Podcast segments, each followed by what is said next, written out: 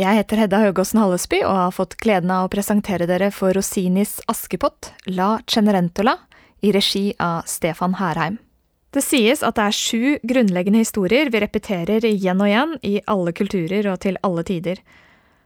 For det første er det det å overvinne monstre, sånn som i fortellingen om David og Goliat eller Star Wars-filmene.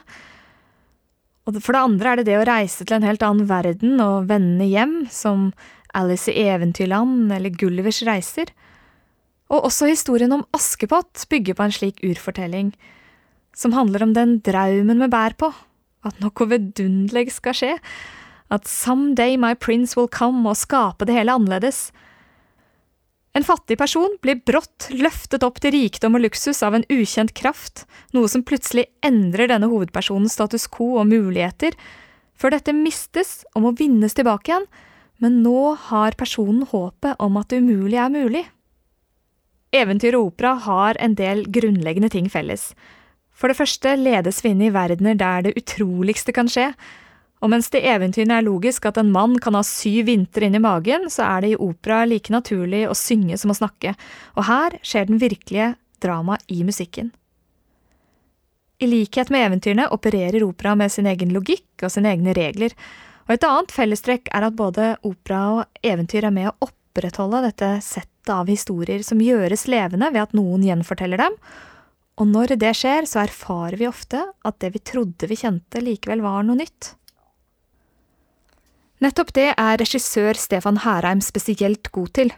Fra hans Julius Cæsar på Jungstorget i 2005 har han vist deg som en som både lytter til musikken og til verkenes lange og sammensatte historier, han bringer begge deler på scenen, som tenkte tanker i syngende, dansende kropper. Her i Oslo har vi fått se det i hans versjoner av Lulu, Tannhäuser, Bohem og Salome, men det er bare en brøkdel av alt han har produsert de siste tolv årene. Stefan Herheim er antagelig vår viktigste eksportartikkel innen opera og jobber i operahus over hele verden. Men det var her i Oslo det startet. Sist La Cenerentola ble spilt ved Norsk Opera, for 40 år siden med Edith Tallhaug som Askepott, spilte faren til Stefan i orkesteret, han var bratsjist, og Stefan Herheim satt og hørte på. Senere lagde han forestillingene og gjenskapte dem på gutterommet på Ammerud, og under kveldens forestilling er han ikke bare regissør, han er også scenograf, sammen med Daniel Unger, og han er koreograf. For det dere skal oppleve er nesten like mye dans som det er drama.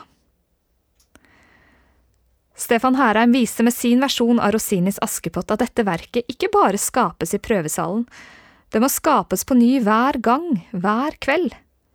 Det er her, i dette huset, når orkesteret spiller opp for oss som er til stede, at magien skjer og at den døde Rossini igjen blir levende.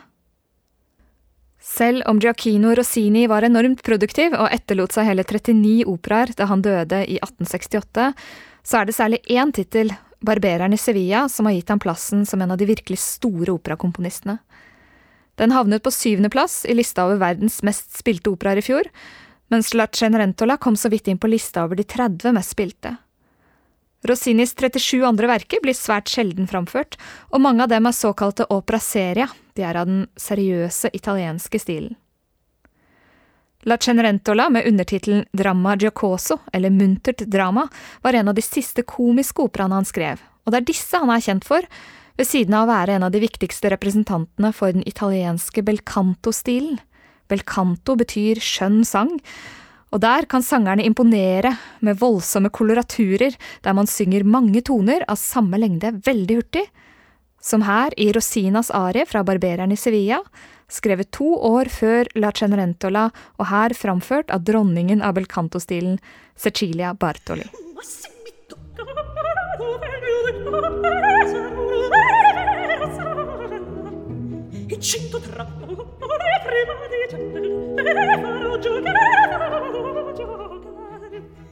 Rossini har fått spille en rolle som en fargeklatt i operahistorien, han passer ikke inn med det romantiske idealet om den fattige kunstneren som lider for kunsten og som alltid vil skape noe nytt. Tvert imot, han kopierte seg selv en masse. Overtyren til La Cenerentola er en resirkulering av innledningen til en annen av hans komiske operaer, og deler av Askepotts finalearie er hentet fra en tenorarie i Barbereren i Sevilla. Forspillet til Barbereren i Sevilla hadde han brukt to ganger tidligere i to andre alvorlige operaer, og i Barbereren finner vi i det hele tatt lån fra tre komiske operaer og tre av hans kantater. Så om det var alvorlig eller komisk, kirkemusikk eller opera, gammelt eller nytt, det var ikke så farlig for Rossini, så lenge det funka. Vi må ikke glemme at nytelsen er grunnlaget og målet for den musikalske kunsten. Hvis musikken ikke griper oss, hva skal den da være til for? Det sa den komponisten som ikke hadde problemer med å lage opera på samlebånd. Derfor fikk Rossini med seg hjelperen Luca Agolini til arbeidet med La Cenerentola. Agolini skrev resitativene, altså der hvor karakterene snakkesynger akkompagnert av hammerklaver, og Rossini tok seg av de store ariene og ensemblene.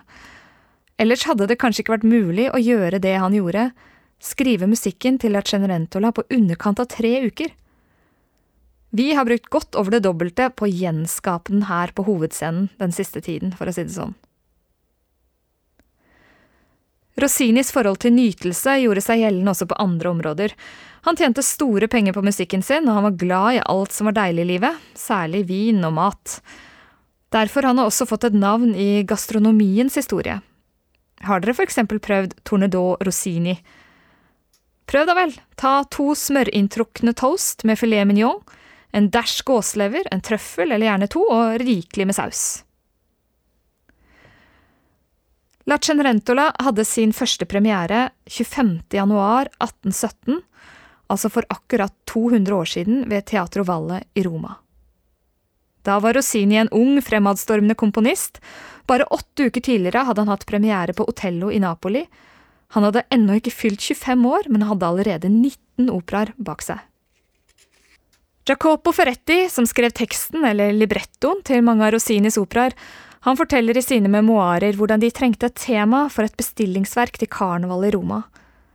Og Ferretti og Rossini satt sammen kvelden 23. desember 1816 på en kneipe, og Ferretti hadde vridd hjernen og foreslått 20–30 forskjellige temaer for komponisten. Og til slutt, og nærmest halvsøvne, så foreslo han, eh, ja, hva med Askepott, da? Yes, sa Rossini. Hvor fort kan du skrive en libretto? Ja, hvis jeg ikke legger meg, så kan du få den i morgen tidlig, sa Ferretti. Og det fikk han. Vi tror kanskje at vi kan fortellingen om Askepott. Og jo, vi kan det. Rosinis Askepott er likevel ikke helt som den Askepott-fortellingen vi kjenner gjennom Disney, Brødrene Grim eller den tsjekkiske filmen Tre nøtter til Askepott, som mange av oss er vant til å se med duften av ribbe i nesa. Historien om tjenestejenta som ble prinsesse, er mer variert enn som så, og går langt tilbake. 3500 år, faktisk. Til oldtidens Egypt. Der finner vi henne i form av den greske piken Rodopsis, som ble solgt som slave, og som ble ertet på grunn av hudfargen sin. Hun var lysere enn de andre og hadde blå øyne. Men hun sang og danset vakrere enn dem, og derfor fikk hun et par gullfargede sandaler av herren sin, og dette gjorde de andre slavene bare mer sjalu. Hun fikk dermed ingen andre venner enn dyrene og småfuglene som kom og spiste av hånden hennes, og på magisk eller guddommelig vis så havner en av disse sandalene hos faraoen, som da blir besatt av å finne henne som denne skoen passer til. Vi finner den også i Kina som en historie fra 850 om Ye Chan. Hun ble dårlig behandlet av stemoren og stesøstrene sine, men var venn med en liten gullfisk, som stemoren da dreper og serverer til middag, Beina fra denne gullfisken blir magiske og gir Ichan alt hun trenger, blant annet en vakker kjole og to små gullsko, hvorav den ene også her blir borte før herskeren tar henne til kone. Den første nedskrevne europeiske versjonen vi har, er Giambattista Basilis La Gatta Cenerentola fra første del av 1600-tallet. Cenere, eller sinder, betyr jo aske, og det er i denne italienske versjonen at asken og ilden kommer inn som et viktig element i fortellingen. Den adelige Cesolla blir nemlig forvist til ovnen av stemoren, og i denne versjonen har hun også en tidligere stemor, som Cesolla tar livet av ved å slå kistelokket over nakken hennes, så allerede her ser vi at denne gode jenta slett ikke bare er snill og mild. Den versjonen vi kjenner best, er nok Brødrene Grims, utgitt i 1812. Men selv om det var fem år før premieren på Rossinis opera, så ble den først utgitt på italiensk 30 år etter Rossinis død, altså i 1897. Charles Perraults versjon fra 1697 derimot, den kjente nok både Rossini og Ferretti til, og her finner vi både den gode feen og gresskarvognen, slik vi kjenner den i tegnefilmen til Disney fra 1950, som de også lagde en spillefilmversjon av i 2014 med Lily James i hovedrollen. Og generelt har Disney-konsernet i høy grad bidratt til å skape og sementere vårt bilde av Askepott i moderne tid. Men hos Rossini er det ingen fe, det er ingen gresskarvogn. Likevel så forteller også denne operaen urmyten, den utrolige forvandlingen idet en vanlig jente løftes opp til prinsesse eller til noe mer. En fortelling vi også hører om i musikalen My Fair Lady, eller filmer som Pretty Woman, og som kanskje også det norske kongehuset har bidratt til å opprettholde i vår tid. Det er den drømmen som underbygger tanken om at det kunne vært meg. Og i Rossinis opera så presenteres denne forvandlingen som resultat av Askepotts godhet og moralske kvaliteter, mer enn av magi. Og det er flere grunner til det. For det første hadde Teatro Valle i Roma dårlig økonomi, og de hadde lite ressurser til magiske effekter. Det er også grunnen til at det bare er herrekor i dette verket. Teatro Valle hadde ingen kvinnelige korister på lønningslista, i tillegg var den romersk-katolske kirkens sensur sterk, og det kan være grunnen til den ganske moraliserende tonen i stykket og undertittelen Godhetens triumf, La bonta in triomfo. Cenerentola hadde først tittelen Angelina, som er Askepotts egentlige navn i dette stykket, men det het også en kjent prostituert i Roma på samme tid, så det passet litt dårlig å ha på plakaten. Og det at vi ikke finner den berømte skoprøvingen her, og at skoen er erstattet med armbånd, har antagelig å gjøre med at en naken ankel ble sett på som noe veldig seksuelt. Det forteller oss egentlig at kunstproduksjon alltid skjer innenfor en haug med rammer, økonomiske, praktiske og etiske, og det gjelder uten tvil også opera. Og dette verket er et resultat av den tida og det stedet den oppsto i. På samme tid var det også to andre operaer om samme tema som hadde hatt stor suksess. Nicolo Isoar skrev en versjon som ble veldig populær i Paris i 1810, og Stefano Pavesis hadde slått an i 1814. Og i likhet med Rossinis Cenerentola så har disse versjonene en stefar i stedet for en stemor, og de har en lærer istedenfor en god fe. Og det viser at Rossini kanskje mest var opptatt av operatradisjonen i sin egen tid, og som jeg allerede har vært inne på, så var han ikke særlig opptatt av det med originalitet. Stefaren, Don Magnifico, han er en stormannsgal baron og en typisk boffobass, altså en rolle som er tatt rett fra andre komiske operaer på samme tid.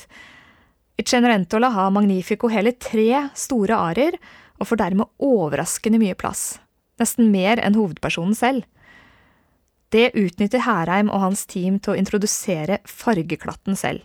Selveste faren, han som skapte dem alle, nemlig Rossini. Rossini kommer idet musikken begynner å spille, og han ser akkurat ut som den klisjeen han har blitt stående som i musikkhistoriebøkene. Alt i verden blir en gang en klisjé, sier Stefan Herheim. Også bildet av komponister, eventyr og musikk. Og Rossinis musikk, den som tikker og går som en klokke og som fester seg inn i øret vårt om natta, den blir raskt en klisjé. Å frigjøre fra klisjeene, det betyr at de som gjenforteller, sangere, musikere og regissører, de må gå inn i dette materialet med sine liv og bringe det til liv.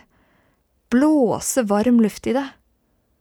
Det er da, når musikken gjøres levende, at Rosini våkner og sier Hei, dere kalte på meg og han viser hvordan han og hans musikk fortsatt kan forvandle en vanlig kvinne til en diva.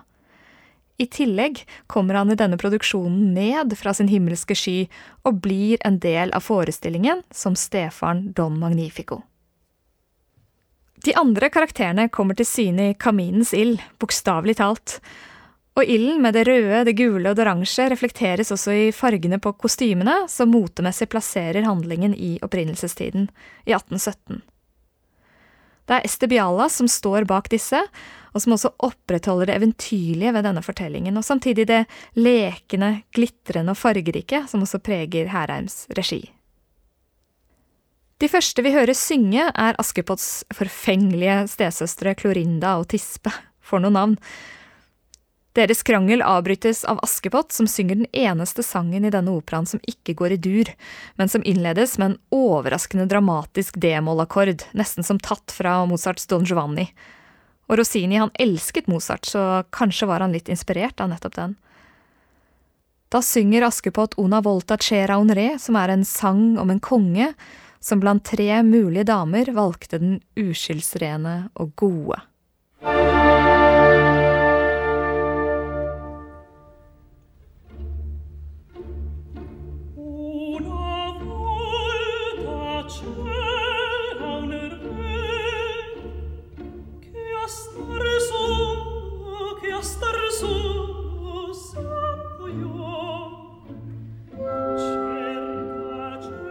Er ikke så vanskelig for oss å forstå at denne sangen er et klart frampek på historien og på hvem som egentlig er den rene og gode her. Og det blir også tydelig gjennom den klare musikalske kontrasten mellom Askepott og de overfladiske, plaprende stesøstrene hennes, som vi hører her.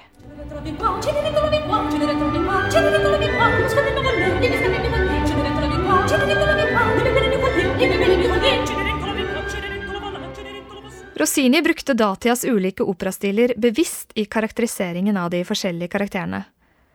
Der stefaren og døtrene er typiske kar karakterer fra opera buffa, altså den komiske, lette operastilen, så er eksempel prinsen Don Ramiro og hans fortrolige rådgiver Alidoro som hentet ut fra den mer ærverdige opera seria. Alidoro han er ikke bare rådgiver og tjener, han er også beskrevet som filosof, og det nærmeste vi kommer den gode feen i dette verket. Han er forkledd som fattig i begynnelsen for å teste ut godheten blant de tre jentene i Magnificos hus, og mens stesøsteren vil jage ham ut, så gir Askepott ham maten sin.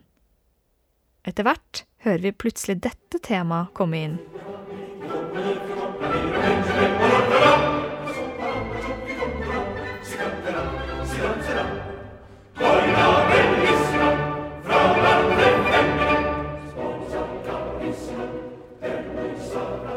Disse gutta er Hoffmann, som forteller at prins Ramiro snart vil komme og invitere Magnificos hus til sitt palass.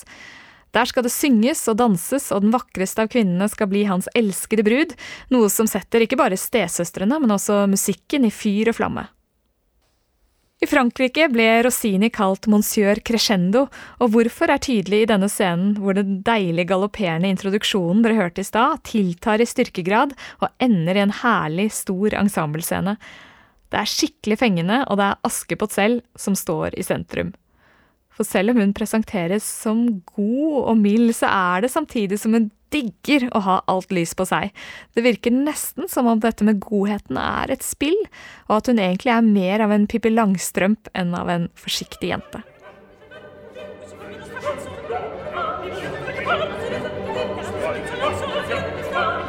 er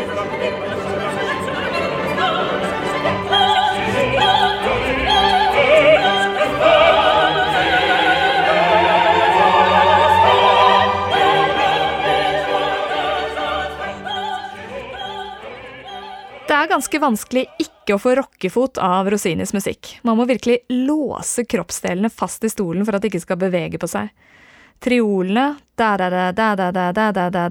beveger seg framover som et damplokomotiv, selv før damplokomotivet var oppfunnet, og de treffer oss med voldsom kraft. Det er en makeløs manik. Og det sies at flere damer ble båret ut av operahusene etter at de hadde besvimt av den voldsomme kraften i Rosinis musikk. Og denne dynamikken, det bevegelige og stadig økende, det har Stefan Herheim og Daniel Unger latt avspeile på scenen i form av såkalte visuelle crescendi i selve scenografien. Den lille kaminen i begynnelsen den blir større og større, ja, snart er hele scenen et ildsted, og ildstedet en ramme for den fortellingen som utspiller seg. Når prins Ramiro dukker opp, så er han utkledd som sin egen kammertjener, slik at han kan få en mer ærlig bilde av konekandidatene i Magnificos hus. Og det blir selvfølgelig umiddelbart søt musikk mellom ham og Askepott, som ikke rekker å fortelle ham hvem hun egentlig er, før stesøstrene begynner å mase på henne igjen. Generelt så er det mye spill med identiteter og forkledninger i dette verket. mellom prins og tjener, datter og søster, filosof og tigger. Så når prinsen kommer inn, så er det i virkeligheten kammertjeneren hans, Dandini, som har blitt beordret til å spille kongelig høyhet, men som syns det spillet er helt ålreit. Alene med Askepott viser Alidoro seg som denne versjonens gode fe, som gir henne en flott kjole, to armbånd og som sender henne av gårde til slottet. Og der, ved slottet, kommer en herlig scene der Don Magnifico tar for seg i slottets vinkjeller, og han dikterer hoffet at det skal aldri være lov å vanne ut vinen. Den som gjør det, skal kaldkveles og miste hodet, og han lover 16 piastre til den som klarer å drikke mest Malaga-vin. I vår produksjon så er dette Do Magnifico, som ser ut som Rossini, som da dikterer hoffet av andre Rossini til å skrive, feire, leve og drikke vin. Og disse Rossiniene de noterer noter i et enormt tempo, omtrent slik Rossini selv gjorde, så blekket spruter.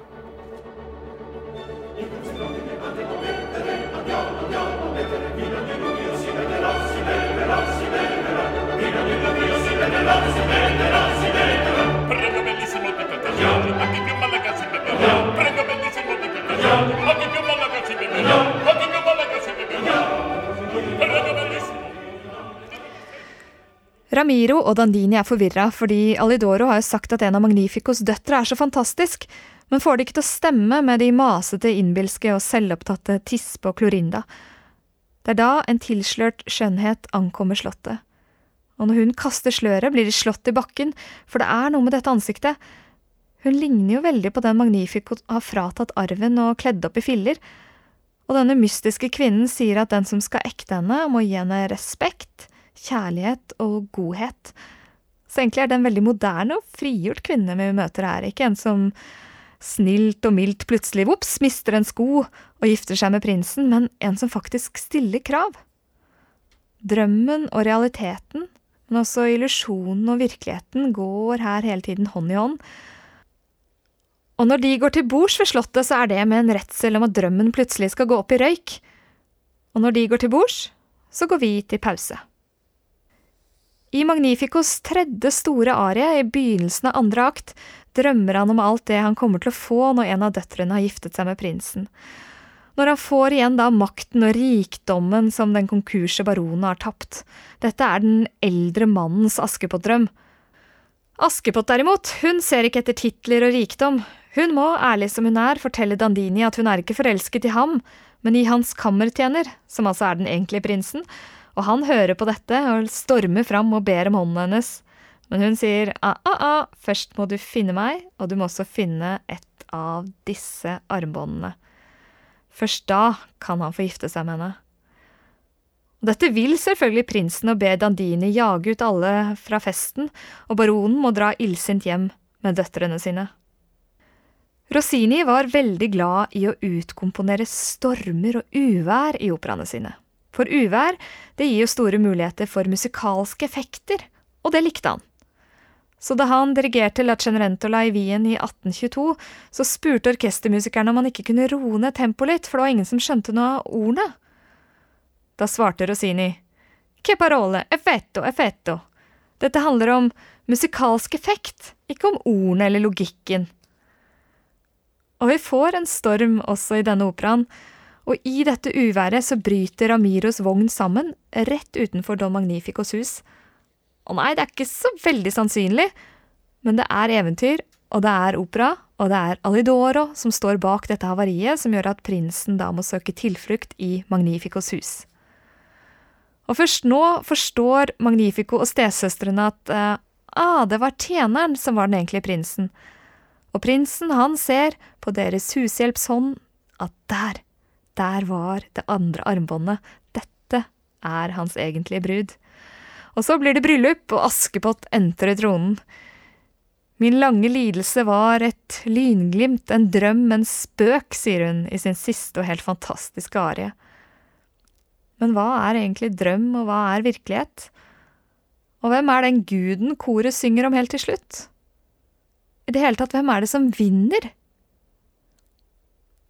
Urpremieren på La Cenerentola i Roma januar 1817 var ingen suksess. Orkesteret var amatørmessig, lokasjonen var sliten, økonomien dårlig. Men så skjedde det noe.